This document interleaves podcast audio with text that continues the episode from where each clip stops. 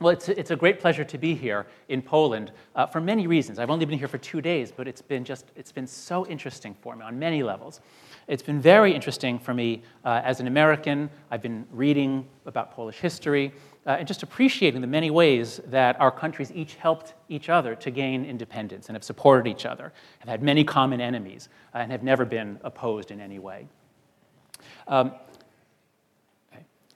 it's also been uh, extremely interesting for me um, personally because when people uh, would ask me what my ancestry is, what's my ethnic group, I always said, I'm Russian Jewish.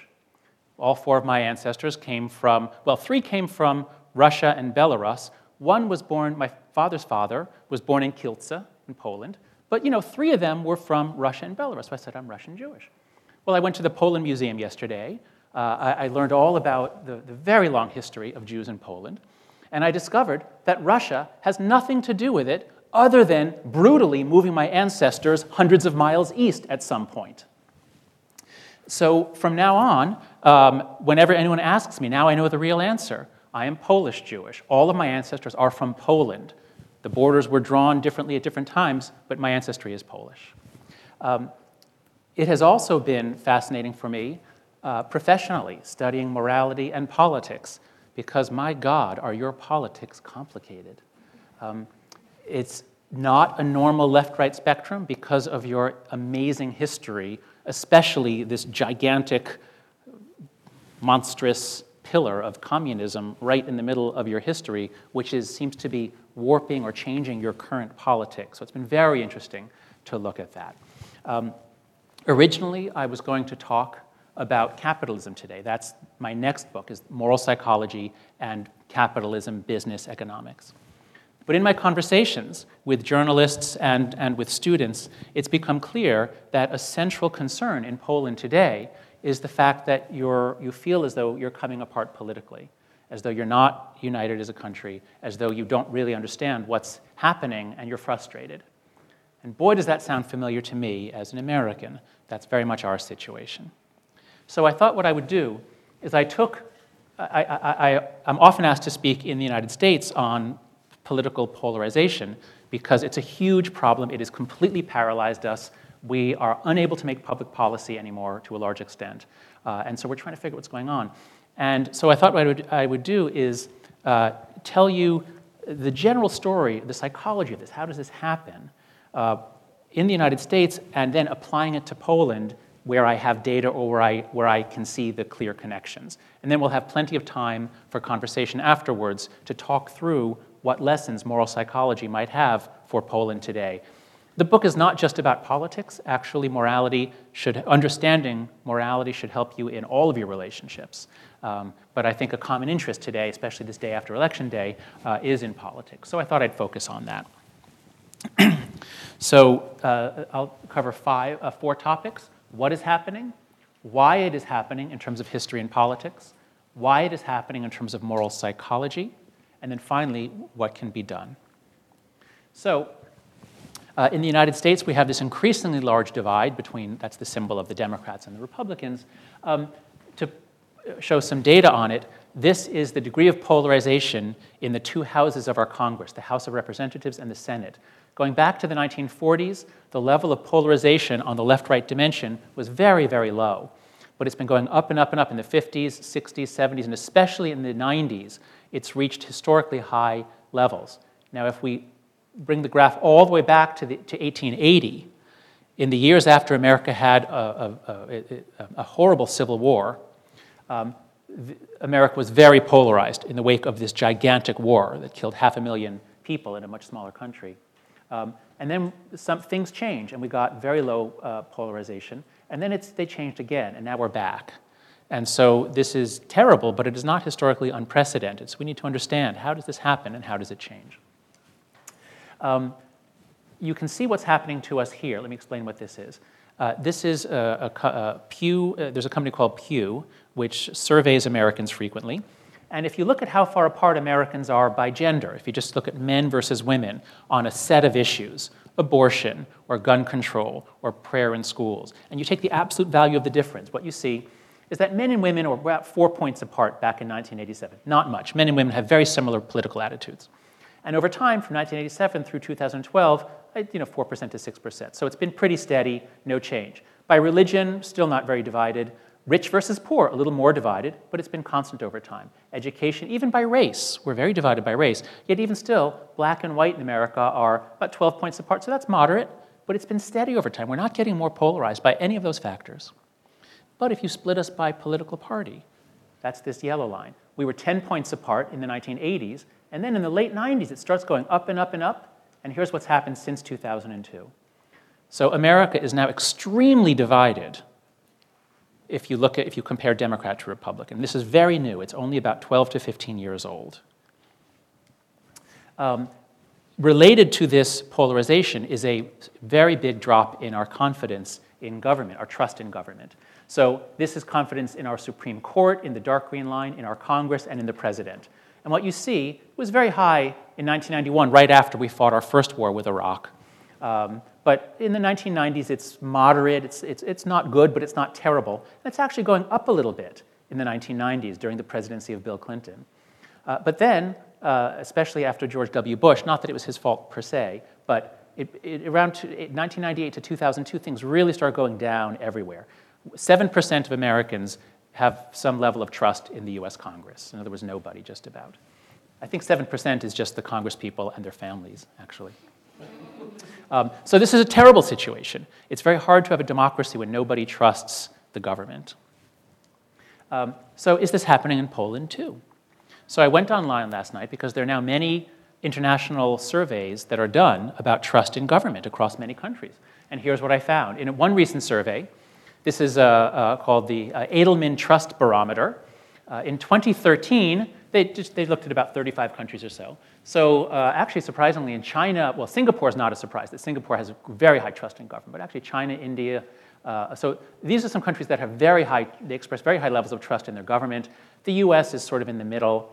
Poland is not doing very well. It's, uh, uh, I think this is, I'm not sure if it's 48%, I think it's 48% uh, across several different kinds of trust that Polish people have. So you're in the lower third, but that was in 2013. Uh, then they did it again in 2014, and now Poland is at the very, very bottom.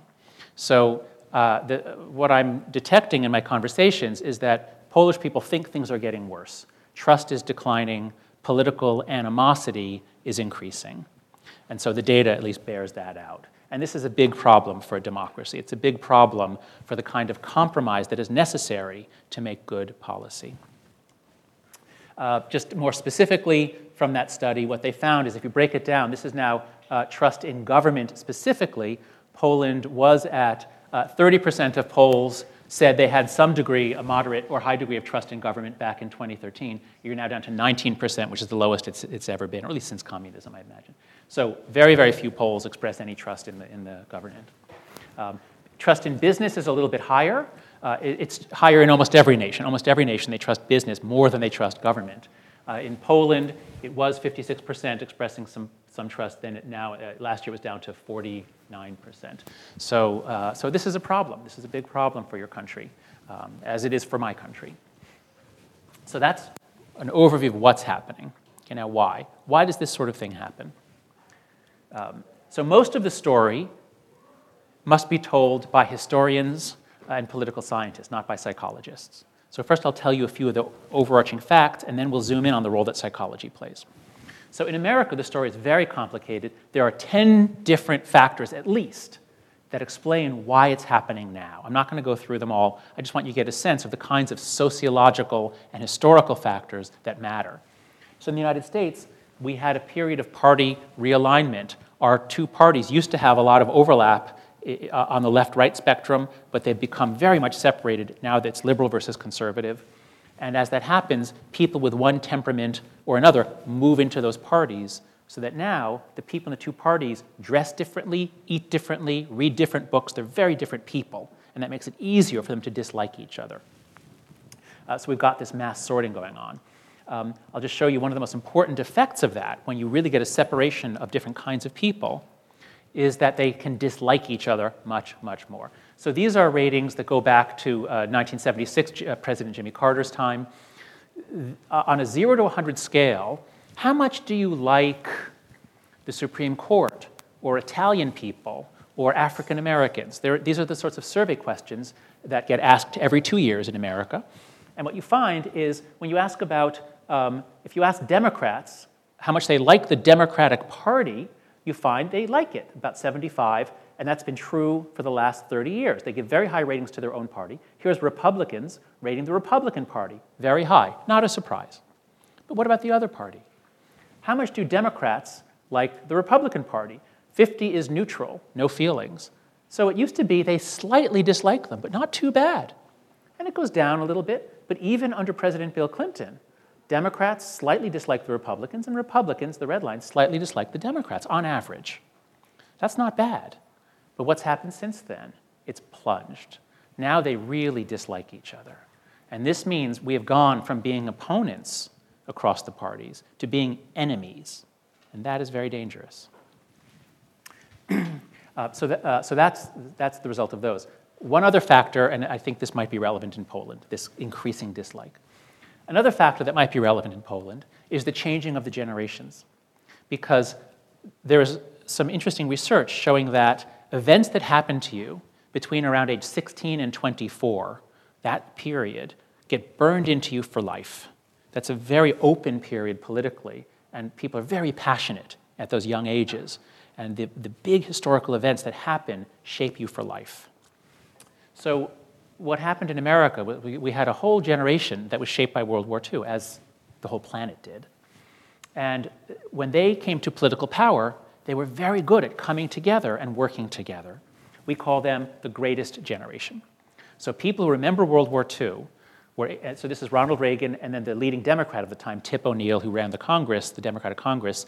They were both Irish, they both loved to drink, they would fight and argue during the day, and in the afternoon they would get together, they'd have a drink, they'd talk. They could work together. Um, we get our first baby boomer president, Bill Clinton, born after World War II. Now, and this is Newt Gingrich, the head of the Republicans. They didn't like each other personally. And they didn't work together terribly well, but there were enough older people in Washington. The institution still worked. Republicans and Democrats still talked to each other. So they were able to forge a working relationship. Even though they didn't like each other, they could work together, and they did on some big issues. But now that the greatest generation is gone, nobody alive in America, nobody active in politics remembers World War II. Those people are all in their 80s now. Now we get Barack Obama uh, and John Boehner, the leader of the Republicans. They really dislike each other and they cannot work together. So now we're in big trouble. Our parties simply cannot work together. Um, uh, an example of this is this uh, interesting episode that happened. This is John Wayne, very conservative, very much a Republican. In 1961, after John F. Kennedy was elected president, he was asked uh, what he thought about the election of this Democrat, John Kennedy. And he said, I may not have voted for him, but he's my president, and I hope he does a good job.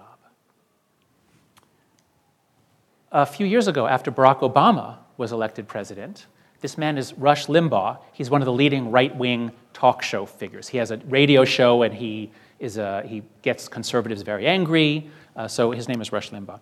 He was asked after Obama was elected um, if he would contribute a 100 words, a 100 word essay or little statement about his hopes for the Obama presidency. They asked a lot of people uh, on the right and the left to contribute these ideas. And he refused. He said, No, I won't do it. And then on his radio show, he talked about this and he said, I don't need 100 words. I need only four. I hope he fails. Now, this is a time when America is facing catastrophe, economic catastrophe, from the meltdown of our financial institutions. And he says, I hope he fails. This is hyperpartisanship. Partisanship is okay. Partisanship is part of democracy. Of course, you want different political parties arguing. That's good, that's normal. But when it becomes, uh, uh, when it gets to very high levels, and especially when group identity gets stuck at one level, that's where it becomes toxic. There's a, a wonderful Arab proverb, not proverb, a little saying. It says, Me against my brother, me and my brother against our cousin. Me, my brother, and cousin against the stranger. So that's normal human tribalism. We're very good at working together to fight someone else, and then when it comes apart, then we can fight each other. We're very good at that. Hyperpartisanship is when the partisan identity is everything. So no matter what threats your country faces, all you care about is hurting the other side. Obviously, this is a disaster for your country, but this is where we are in the United States. Uh, so I'm curious as to whether um, you think today's leaders are hyperpartisan or just normal partisan. Actually, let's take a vote. Um, so, uh, so the question is, are, raise your hand if you think your leaders are hyperpartisan, as I've described. Please raise your hand. Okay. And raise your hand if you think, no, it's just normal partisanship. They can work together when they need to. Raise your hand. Nobody. Okay. So this is very bad for democracy. You can't get good policy when they can't work together. Um, so that's all I'll say about that one. There's so many other th- things that happen. Uh, obviously, one that's relevant for you is the end of the Cold War, the loss of a common enemy. So, of course, when Solidarity was fighting the communists, all Poles could unite behind Solidarity and the church. Um, one interesting one increasing immigration and racial diversity. That's rising in America and almost all of Europe. That makes it harder to agree. You don't have that in Poland, which is so interesting and unusual. So, that should be one thing that works to your advantage. Um, but you find other things to fight about, uh, of course. Okay, so that's all I'll say about the history. Most of what I want to tell you is about moral psychology, and that's the subject of my book, The Righteous Mind. So let's look into how the moral psychology interacts with all those historical and sociological features that I told you about, and let's try to apply it to Poland. So this is the uh, cover, the original hardcover of the book. It shows a kind of rip, a tear, uh, in the UK, they had a very different art department, and so they came up with this cover, which I quite like. Um, um, in the US, uh, for the paperback, I suggested something like angels and demons, and they found really, some beautiful images, which really get at the demonization that we'll talk about in a moment. And then uh, here in, in, in, Poland, they come up with this, uh, this really evocative and clear and very descriptive, very nice uh, design. So again, it conveys intuitively what the book is about. so there are three principles of moral psychology. Um, and if you understand these three principles, you can apply them to almost any puzzling social situation. Anytime people are divided by morality or, uh, or religion or politics, if you apply these three principles, I think you'll see some things uh, that you might not have seen before. So the first principle is about uh, intuition comes first, strategic reasoning second. And we'll get to the other two principles in a moment. So there's a long idea in uh, philosophy, actually in every culture, uh, that the mind is divided into parts. My first book was called The Happiness Hypothesis. It was about 10 ancient ideas uh, that the, uh, found east and west, uh, and this, whether or not they're true. And so the first idea, the most important idea in psychology, is that the mind is divided into parts that sometimes conflict. But what's the nature of, what's the relationship between those parts? In the Western tradition, Plato gave us the metaphor that the mind is divided like uh, like a charioteer trying to control two unruly horses. So reason is the charioteer, and the horses are the passions. And the charioteer's obligation or duty is to control the passions, and then a man can live reasonably. Um, and most philosophers, philosophers tend to be very rational, logical people. They mostly think this way. But most people aren't like that. In fact, very few people can work this way. There's a counter tradition in philosophy from David Hume, which I think is correct. Hume was a superb psychologist, Plato was not. Hume said, Reason is and ought only to be the slave of the passions and can never pretend to any other office than to serve and obey them. And you can see an example of this general process here. Uh, this is my daughter Francesca, and a few months ago, I made her a smoothie, you know, fruit and ice and ices, and it's you know, delicious in the blender. And so I gave her some, and then I realized I was kind of thirsty and I wanted to try it. And so I said, Francesca, can I have a sip? And she said, no. She said, you might get my germs. Now, we share food all the time. If I'm eating something sweet, she'll come over and try to eat it from my mouth practically. We share germs all the time. But this little four year old's brain was able to automatically say, I want my smoothie. I don't want to share it with dad.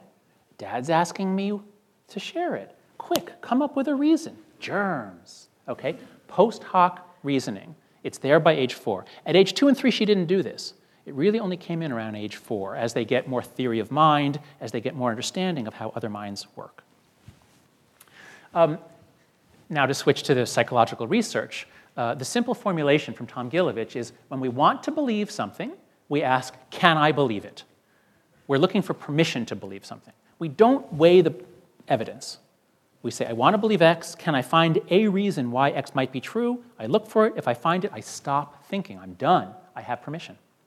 But if you don't want to believe something, you ask, Must I believe it? Am I forced to believe it? Or can I find a single reason to doubt proposition X?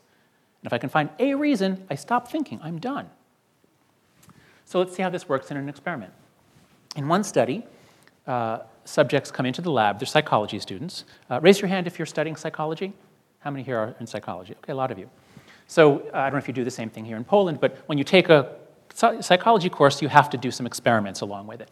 So the students come into the lab and they're given what looks like a scientific paper published in a scientific journal that shows a relationship between caffeine consumption and breast cancer.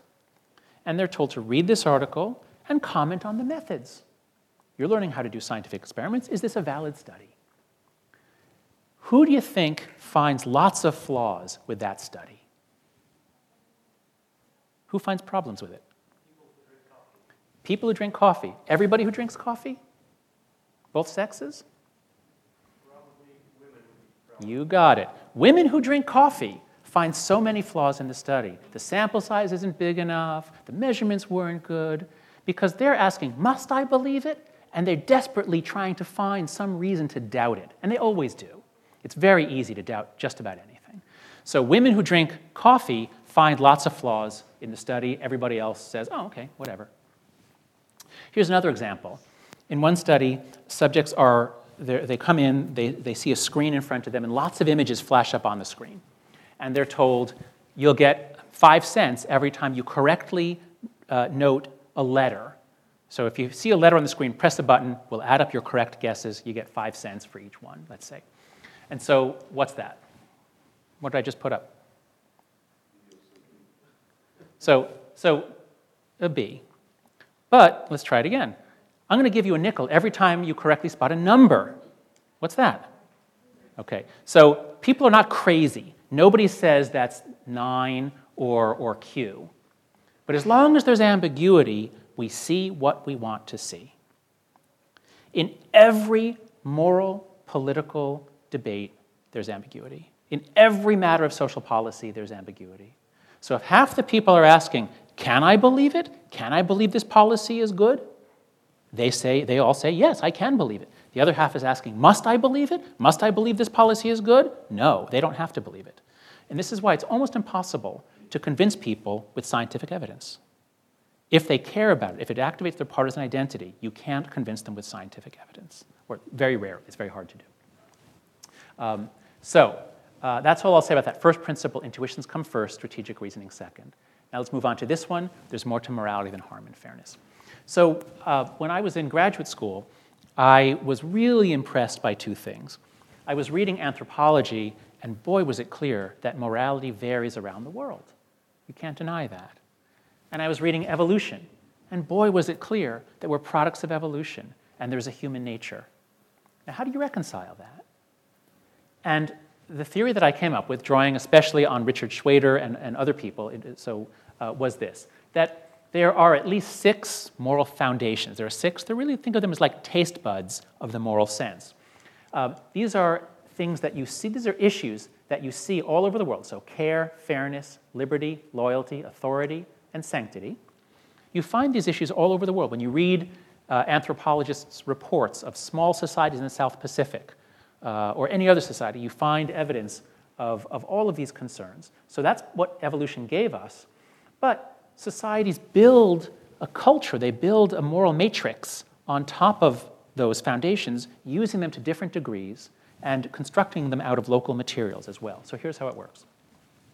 So the first foundation is care versus harm. We're mammals. What does it mean to be a mammal? It means you bear your young live. So the female brain in all mammal species, female brains are specialized for nurturance and care. In most mammal species, the male brain is not.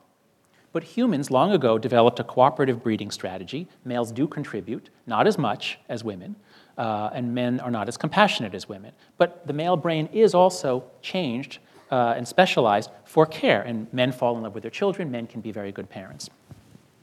Um, this foundation is very, very widely used on the left, at least in the United States and in uh, other countries we've looked at. The left tends to be focused on victims, on suffering, on care and compassion. These are photos I took at Occupy Wall Street, a very left wing demonstration uh, all around the world, but it started in, in New York just after I moved to New York three years ago.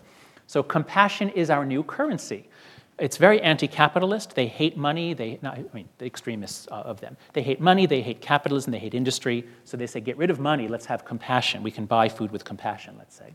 Free empathy. I can't hurt another without hurting myself. So these are the sorts of sentiments that you find in left wing politics. You never see signs like this at a Tea Party rally or other right wing political movement. They just don't talk about compassion. Um, the second foundation is fairness. You will never find a human society that doesn't care a lot about fairness. Everybody does. But it can mean different things. The key meaning, I believe, is proportionality or equity or karma, the law of karma. That is, you should reap what you sow. People should not take more than they deserve.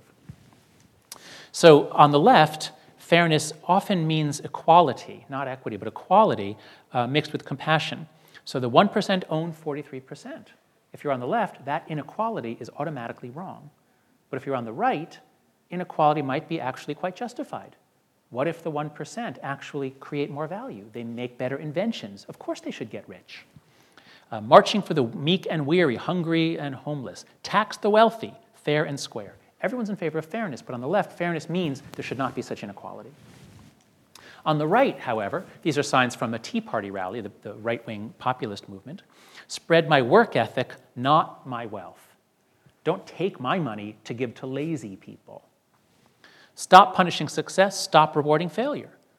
We have a graduated income tax. Rich people pay a higher percentage. They think that's unfair. Stop rewarding failure. Stop giving money to people who failed. You're rewarding failure or laziness. That's the view on the far right. Uh, if this is in the UK, it's the same idea. Let's cut benefits for those who refuse work. You don't need to recognize that man to know that he's not Labour Party, he's conservative. That's uh, David Cameron. Um, the third foundation is liberty. All Americans believe in liberty. That's our founding creed. Uh, we all think that we own liberty, and the other side does not. This is the flag of my former state, Virginia. I lived there for 16 years. And it wasn't, there's a very funny thing about the Virginia flag. It has a murder on it. Now, why would you put a murder on your flag? It's a very strange thing to do. But what if I tell you that the flag was created in 1778, two years after the American colonies revolted against their king? The early Americans were English. They were not American. They were English people living in the New World, and they decided they wanted to rebel against their king. And so they had to justify it. And what they did was they justified it with the mur- uh, murder of Julius Caesar, sic semper tyrannis, thus always to tyrants. So this is a very deep psychological principle. When we perceive that we're being oppressed, we don't just want to kill the oppressor, we have an urge to actually unite with other people and then kill him. So um, this is an image from Occupy Wall Street. It shows a fist with 99%, and that little thing says, says 1%. The image is if, the, if, if 99% of us could get together, we could crush and kill the rich. Now, there wasn't really any violence associated with Occupy Wall Street, but the iconography was violent. It was about killing the rich, eating the rich. So, on the left, uh, you have the psychology of liberty and oppression, but it's uh, corporations and the rich are the oppressors. On the right, in America, right now, it's the government that's the oppressor. Uh, don't tread on me. Big government equals less freedom. Uh, so, government is the bully. That's who we want to rebel against. So, that, so both sides value liberty, but they mean very different things by it. Um, the, now, the next three foundations are, are special foundations that bind groups together. These are the three on which you really don't find much on the left. So, group loyalty. Some animals can work together, uh, but they're always siblings, like wolves or bees and ants, things like that. Only humans can work together in very large groups that are not siblings. We're very good at warfare. We evolved for warfare. We evolved for intergroup violent competition. We've been doing that for probably hundreds of thousands of years. We love it so much that we invent team sports. It makes no sense to spend a lot of time and money watching groups of people kick a ball around. That's just a stupid waste of time. Unless, in your mind, you love war and you love seeing groups competing against groups. And in America, as in Europe, we love fake war so much we invented super fandom. We get dressed up, we do stupid things in the cold weather to show how much we love our soldiers, our team, our sports team. This ethos, this, these ideas, play a big role in right wing morality, not, in, not as much in left wing morality. So, uh, for example, at the Tea Party, a right wing rally, lots of American flags, lots of patriotism, uh, and conservatives say that liberals are guilty of treason. This is a, a right wing person. Uh, treason, liberal treachery from the Cold War to the War on Terror. So they're always accusing liberals, the left, of hating America, of betraying the country. Well, guess what? You can find a lot of evidence of that. Not that most liberals uh, dislike America, but many do. On the far left, many do. So this is an anarchist rally. It's the far left. No gods, no country, no master, so they're anarchists. But look at this fuck the troops. Fuck the soldiers. Stop respecting them. Soldiers are bad, military is bad, country is bad, America is an oppressor. This is the iconography on the far left, not most of the left.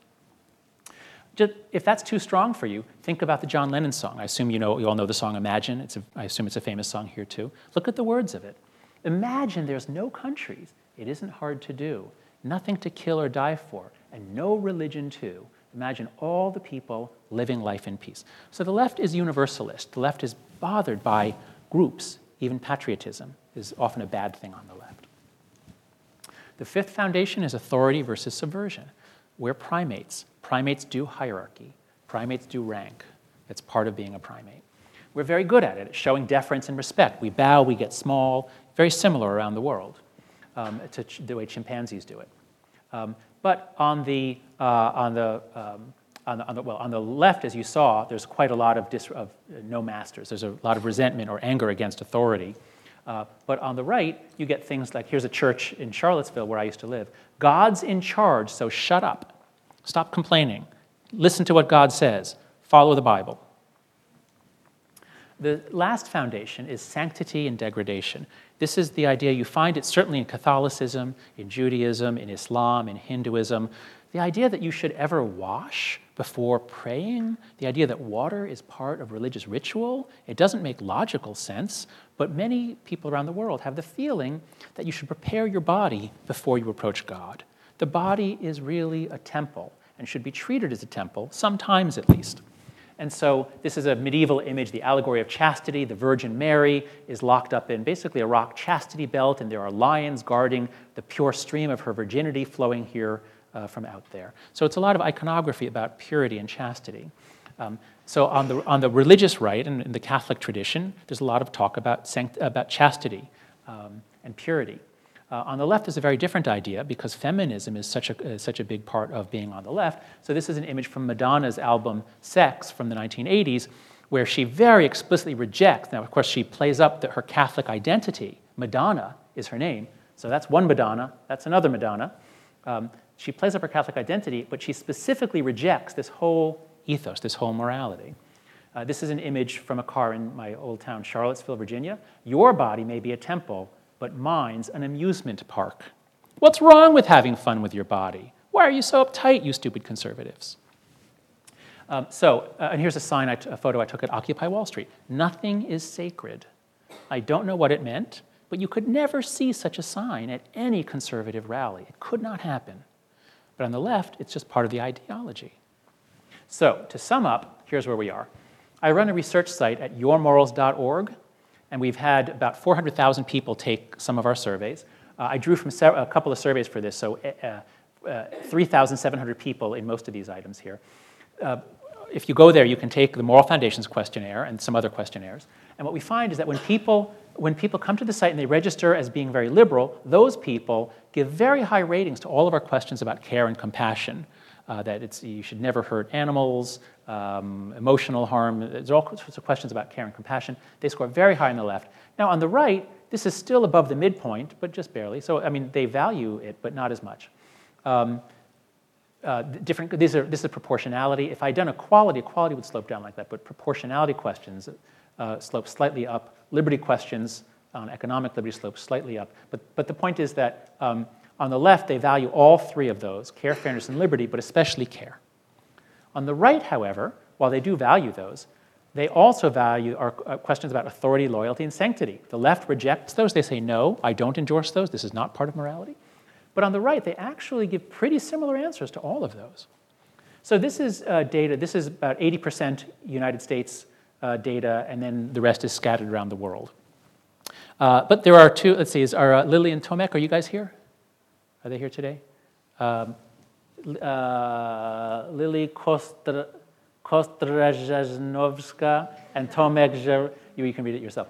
They are psychology students here, uh, and they actually translated the Moral Foundations questionnaire into Polish. And just last night, they sent me this beautiful data. So this is data just from Poland.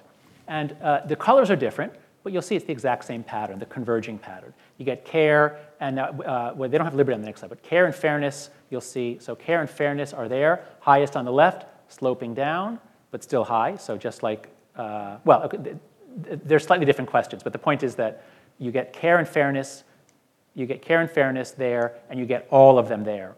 So this is uh, loyalty, authority, and sanctity sloping up. But notice this. Which one is steepest? Which line is steepest? It's this silvery line here. It's hard to read. Sanctity. The Sanctity Foundation is actually, in Poland, the biggest differentiator of left and right. And that fits with the fact that what everybody tells me, it's all about the, the culture war now in Poland. A lot of it is about the church, church issues, gender, gay rights. Um, uh, so it's a lot of these issues that only make sense if you understand that some people in your country care a lot about sanctity and they apply that to the body. Other people don't care so much about it. You see it right there. There's the most important fact about the Polish culture war. Um, so I just, uh, I just uh, uh, have been learning a little bit about Polish politics. I found some reference to this party. I don't even know how to, how to say it. This is a, a translation from Google, so it's not a very good translation. But even without a good translation from their website, um, you know, the National Radical Camp is a social movement that brings together young Poles who are close to the values of God, honor, country, family, tradition. Exactly the same as the American Culture War. This is very much our religious conservatives. It's the same idea across countries God and country, groups, family, respect, tradition, sacredness. Patriotic demonstrations. These, this party is very, very patriotic. so, um, I think the, knowing these foundations, these six foundations, can really help you understand why Poles disagree with each other over specific issues. Um, okay, well, we're fine on time. Uh, so, the last principle is that morality binds and blinds. Here's how it goes Large scale cooperation is very, very rare in the animal kingdom. The best examples of it are the bees and the uh, termites. That's a gigantic termite mound uh, about eight meters tall. So little tiny creatures can work together only if they're siblings. They're all sisters or sisters and brothers. The only counterexample to this, the only species that can build large creations, uh, is humans. And uh, so this is Babylon, a reconstruction of ancient Babylon. This is Tenochtitlan in Mexico. And wherever you find ancient civilizations, you always find temples. Always. This was part of the human transition from hunter gatherers to civilization is through religion and temples. This is part of our evolved nature. We have this ability to make something sacred a god, a, a sacred tree, a sacred river, a sacred ancestor, a book. Make it sacred, and then we circle around it, and that unites us. so these are Muslims at prayer in Mecca. It couldn't be any clearer, the symbolism and the psychology. If you circle around a sacred object, it unites you and it changes you. A metaphor that I like to use is if you remember from high school physics, if you move a wire through a magnetic field, it generates electricity. And the sociologist Emil Durkheim talked about social electricity generated by rituals. So these rituals generate electricity, the capacity to do work, social work. it doesn't have to be a religion. We make our flags sacred. So in wartime, the flag, we circle around the flag, and that unites us, and then we can go off and fight as a unit. Um, but when you make something sacred and you generate this electricity, you create a polarity. Our side becomes perfectly good, all the positivity is on our side and the other side becomes perfectly evil. Everything about them is bad. There's a word for this in the history of religion. It's called Manichaeism. This was a doctrine that comes out of Persia or the Persian area um, about how the universe is, is a battle between the forces of darkness and the forces of light. Human beings are on the battlefield, and we all must decide are you on the side of good or are you on the side of, on the side of evil? Everybody must choose. That way of thinking is called Manichaean thinking. It's very normal. It's part of our politics. It's what happens when you hate the other side. So you get demonization. So just a few images from the United States. You find these on the internet. Take whatever political leader you don't like, search for it on the internet, and you'll find an image of that person as a, as a devil. And in fact, that's Ann Coulter, the woman that I showed you before who's a conservative. so what is happening? I hope you see now that all these historical processes that promote divisions activate a psychology of tribalism that is very good at demonizing. And this is what has happened in the United States, and this is what seems to be happening in Poland. I think you might be a little bit behind us, but you seem to be following us down that, down that cliff. So, what can be done? Um, the most important thing for change is really systemic changes. That's how you get big effects, is changing the system. Uh, so here are some specific suggestions. Uh, it's really important for any country to, to make reforms that will incre- increase trust in government. It's very hard to do, and you can't have any party do it because political parties will always make changes that cement their power, that lock in their advantages. The only way to do it is to have politicians agree that um, that the country is in trouble, that the game is corrupt, that the people hate us in government, so we all should cooperate to improve the game. The best way to do that is to appoint uh, a panel of experts, a panel that includes some political scientists, some people from both sides. Uh, let them make a set of recommendations, and then the legislature can pass them all as a package, yes or no. Um, so that's one suggestion. Uh, uh and just this might not be the issue, but for example, one thing that I think uh, would be very wise for any country to do is give a big raise to all of the politicians and then arrest them if they take a penny. Don't let them, don't let them receive any money or gifts or anything else, because it's a vital public obligation that they be not just free from corruption, but perceived to be free from corruption. Um, you must increase the rule of law and respect for the ju- judicial system. Uh, so, obviously, these are especially problems in the post communist countries because for decades and decades, as I've heard several of you say, everything was lies. Everything from the journalists was a lie. Everything from the government was a lie. So, you have a tradition, you have reason, you have a historical memory of being distrustful. Um, and of course, also communism bred uh, a, a culture of law breaking because nobody respected the laws. So it's very hard to do. Uh, so whatever it takes, whatever you can do to increase respect for the law and respect for the judicial system, so often there are, there are judicial reforms that could be made as well as part of that package. So those are two things that are very, very important. Um, a third is for politicians to model the behavior of being opponents, not enemies. I don't know anything about your leaders in Poland. I don't know if this is possible. Do they hate each other, or do you think they could ever appear together and say, well, we disagree, I at least acknowledge that he loves Poland and has its best interests at heart. Do you think they could, could they do that? Or is that ridiculous to even imagine? No, you don't think so?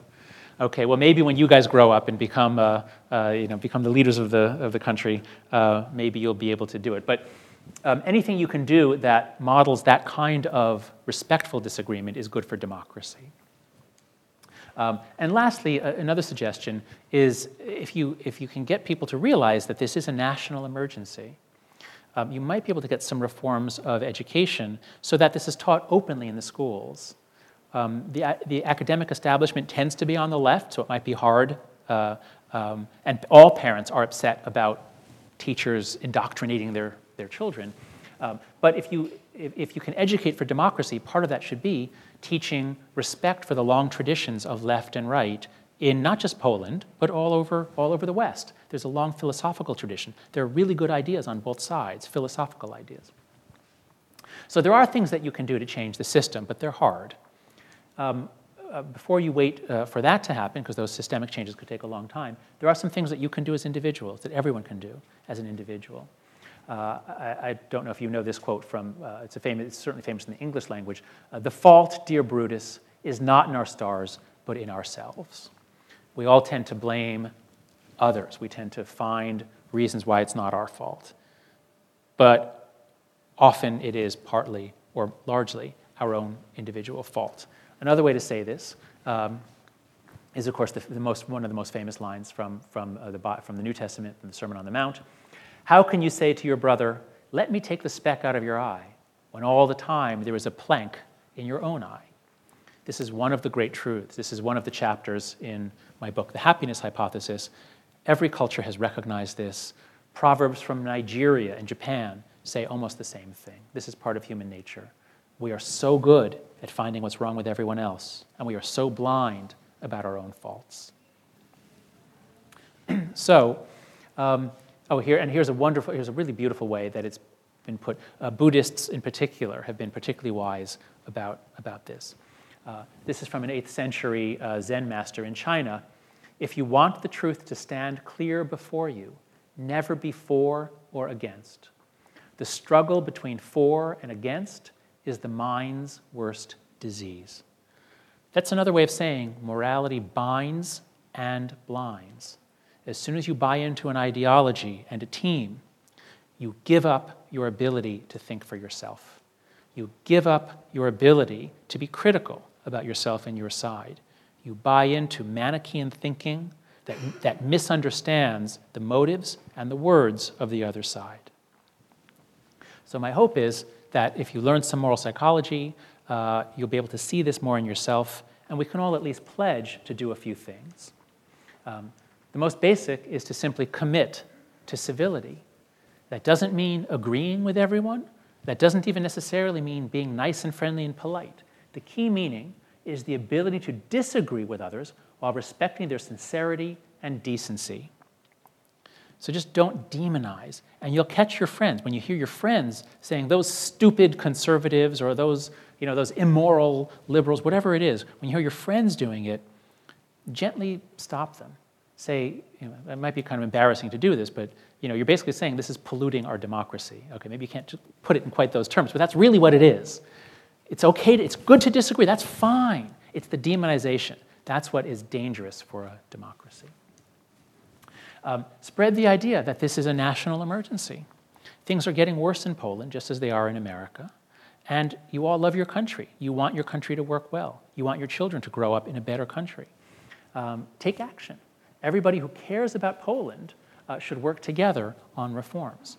Uh, again, it's easier said than done, uh, but this is a long term project. This is a way of thinking that over the years might help you to improve your democracy. Um, and the best way to do this, the best way to actually understand the other side, is through relationships. It's very, very difficult to simply encounter arguments and say, oh, what a logical argument. But if you have friends or family in a different political party or on the other side, you have some affection for them perhaps. That at least makes it possible for you to listen to them. Because as I've said, intuition comes first, strategic reasoning second. So if you can cultivate positive intuitions, positive feelings, if you can approach someone, somebody in your family, let's say, who is the, uh, on the other side politically, and start by acknowledging something that they are right about, saying something good about their policies or their party or whatever it is, that disarms them. That suddenly makes them see, oh, you're not doing the usual thing where you attack me and I attack you. That validates that you think they're not crazy. You think maybe they're even right about some things. And then that triggers an urge to reciprocate. And they will now be more open minded to you. Not all the time, but often this will happen. And when it does, it's really thrilling. It's actually really fun to have conversations with people on the other side if you're trying to understand each other. Um, so I urge you to try that as an experiment. Um, and uh, so I'll, I'll, end the way I end the book with this wonderful cartoon. Uh, there's a boy talking to his father. The father says, Your mother and I are separating because I want what's best for the country, and your mother doesn't. So, thank you.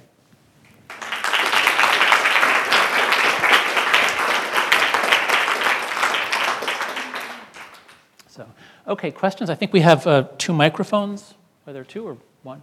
At any rate, um, questions or comments?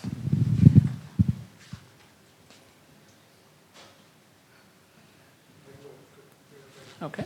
Here. Here's another one. So thank you very much for, especially for bringing John Lennon back a little bit, right? Actually, I think you could add all you need is love, right? There's going to be a continuation of this to a certain extent. I very much liked what you said, but on the other hand, you want to put in practice, I don't know, something which is very vague.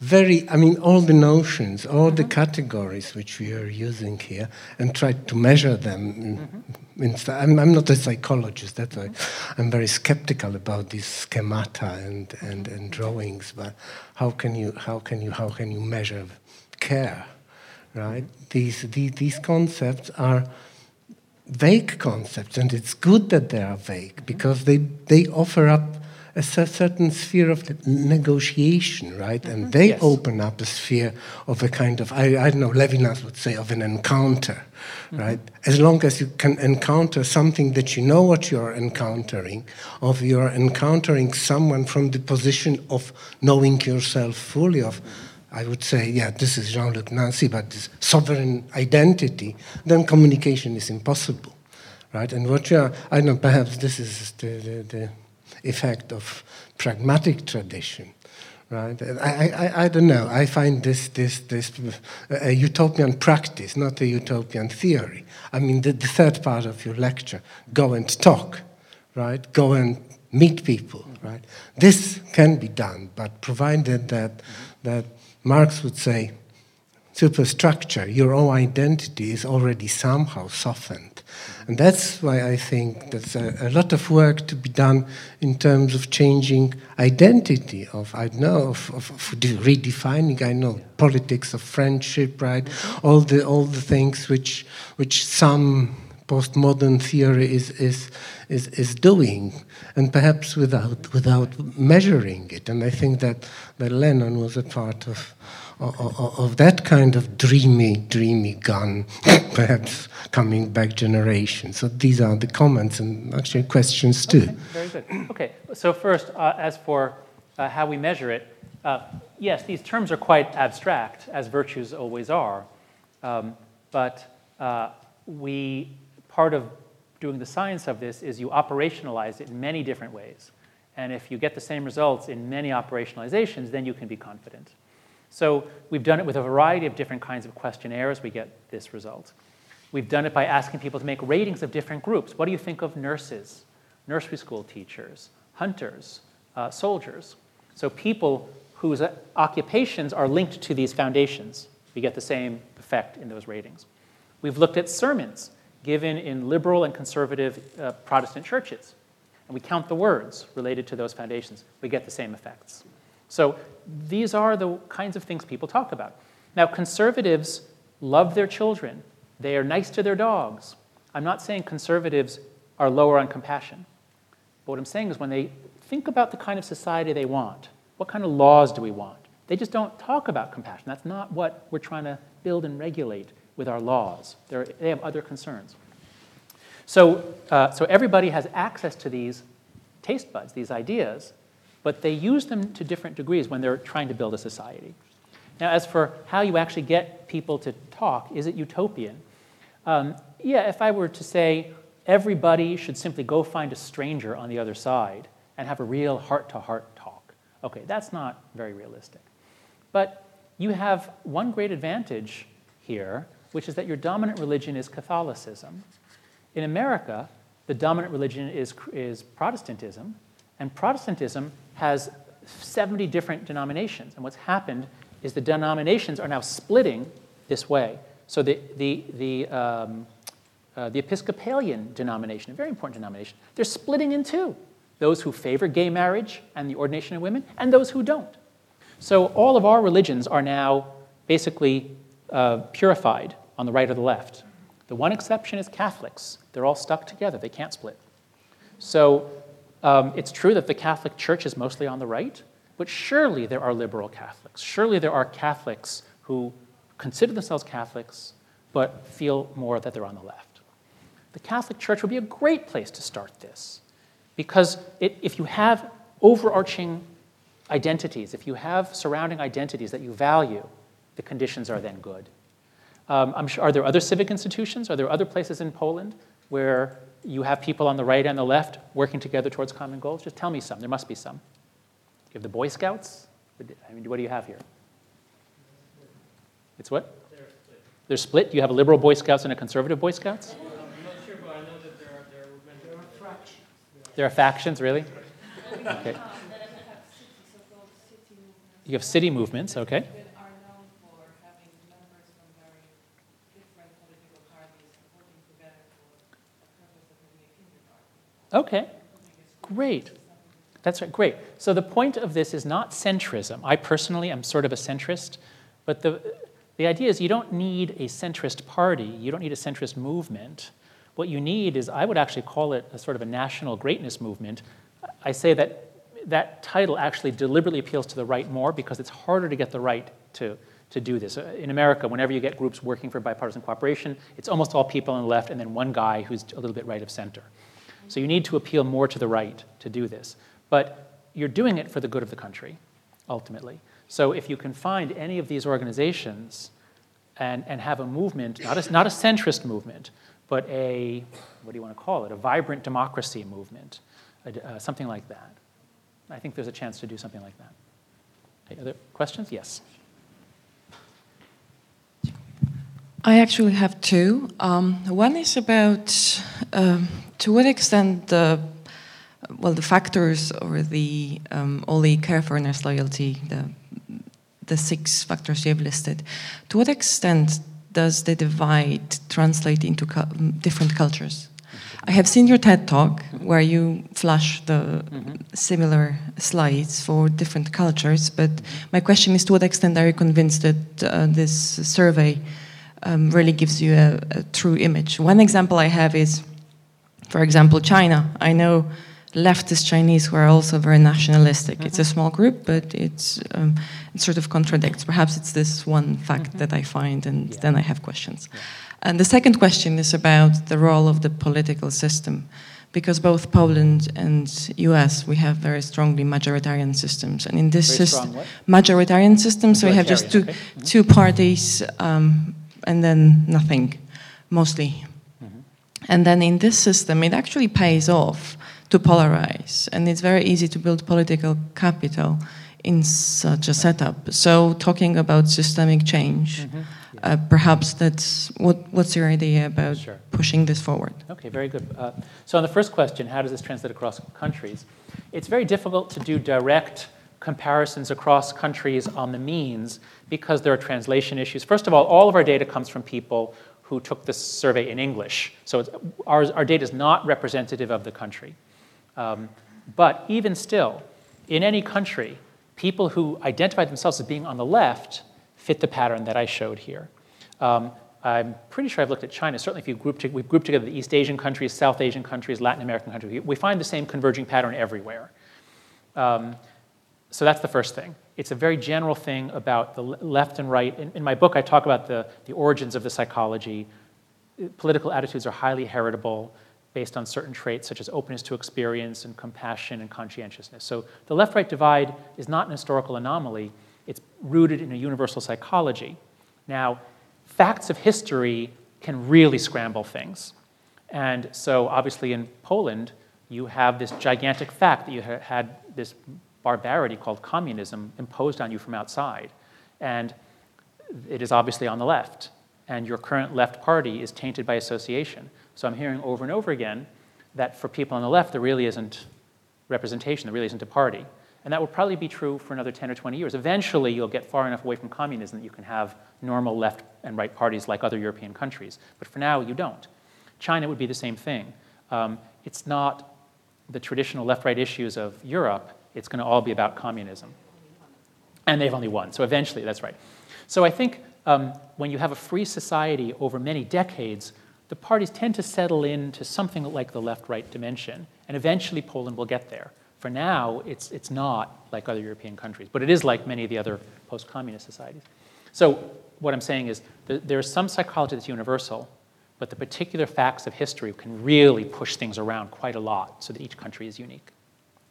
On the question of, system, of uh, governance models, so the, the biggest problem, uh, so there's two issues. There's rising polarization, which is happening in the US and in many other countries, not all. It's happening in a lot of countries.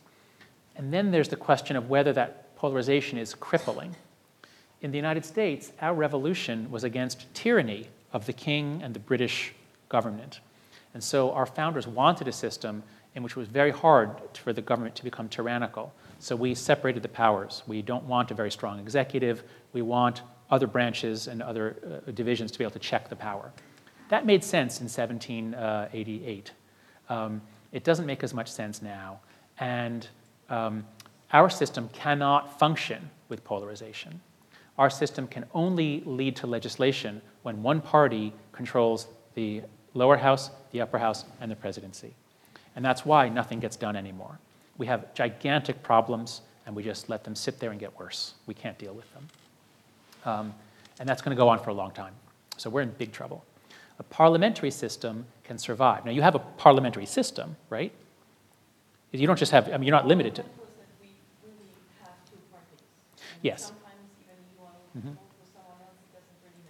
Yeah, that's right. So for now, uh, so that's bad. And eventually you'll, I'm sure, not sure, I, I, I, would bet that in five or 10 years you'll have more than these two parties. Things will evolve, the parties do change. And a parliamentary system is much more flexible than our constitutional system. So um, you might look ahead to that. Um, people on the left should probably be thinking, what is the, what will the next configuration look like? Um, what is the story that we can tell on the left, let's say, uh, that could lead to attracting a lot of people and that doesn't link the left to communism? Uh, so eventually it will change, and you have the flexibility in a parliamentary system to do that. The key is that your political system incentivizes leaders to go for the middle, not the extremes. And unfortunately, in the American system, our congressmen don't care about the election because they're going to win. They, each, each district is just one party now, pretty much. All they care about is the primary election, the first election within the party. And so to win that, you have to be extreme because only a few people vote in that. So it's a ridiculous democracy that we have right now. It's not working.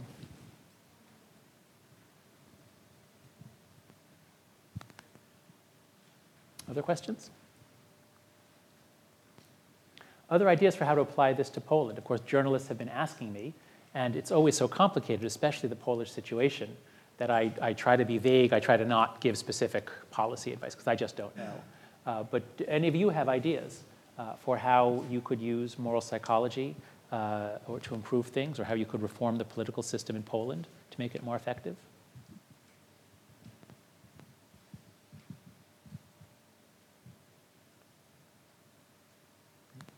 Oh, yes? I have a question. Okay. Um, I can use that, but not necessarily. Hi.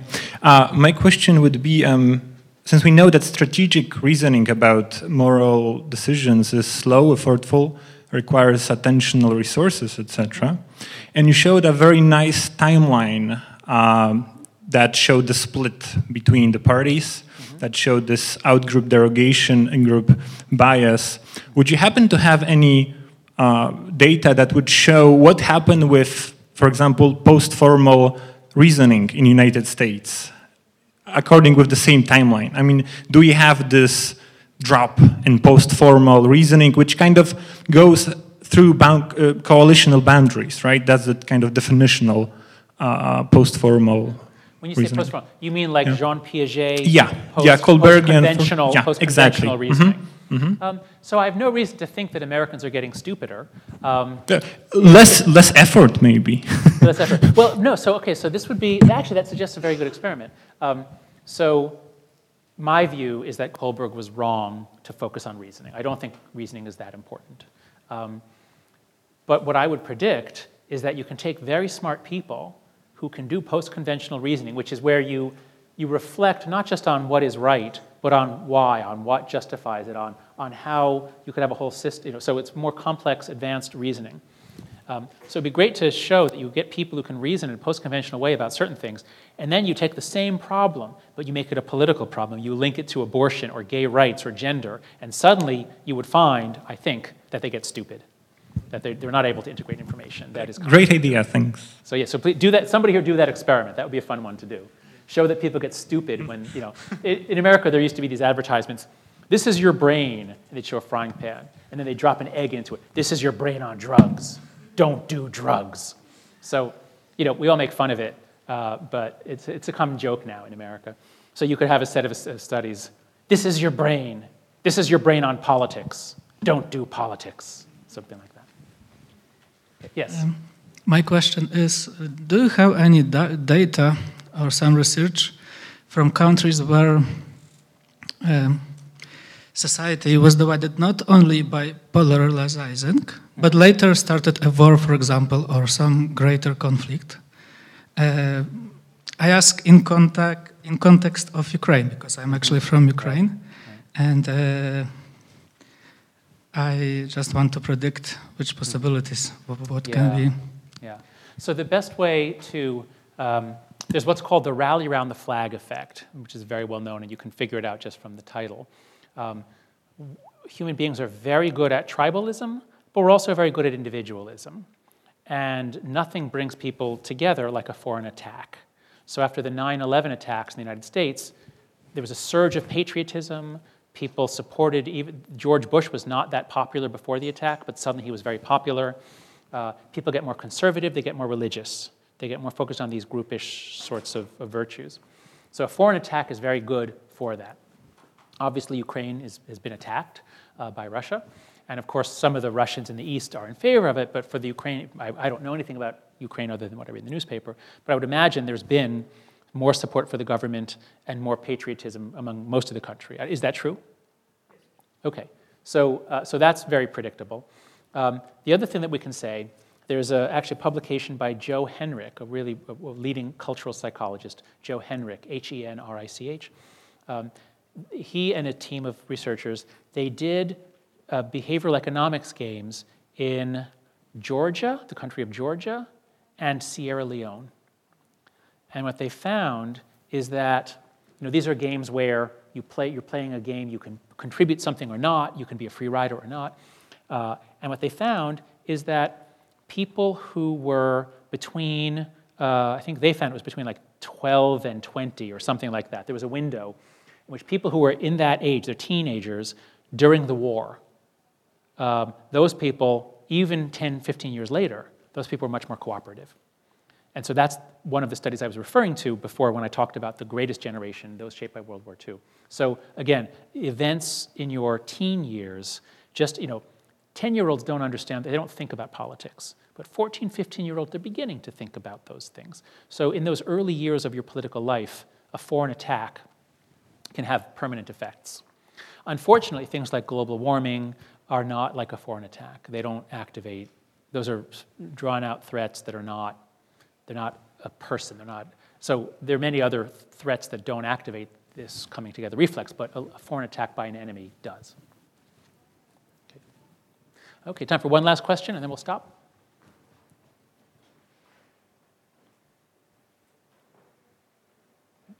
Or we can just stop and I'll hang out. If you have a, another question, please come up and see me. Thanks very much.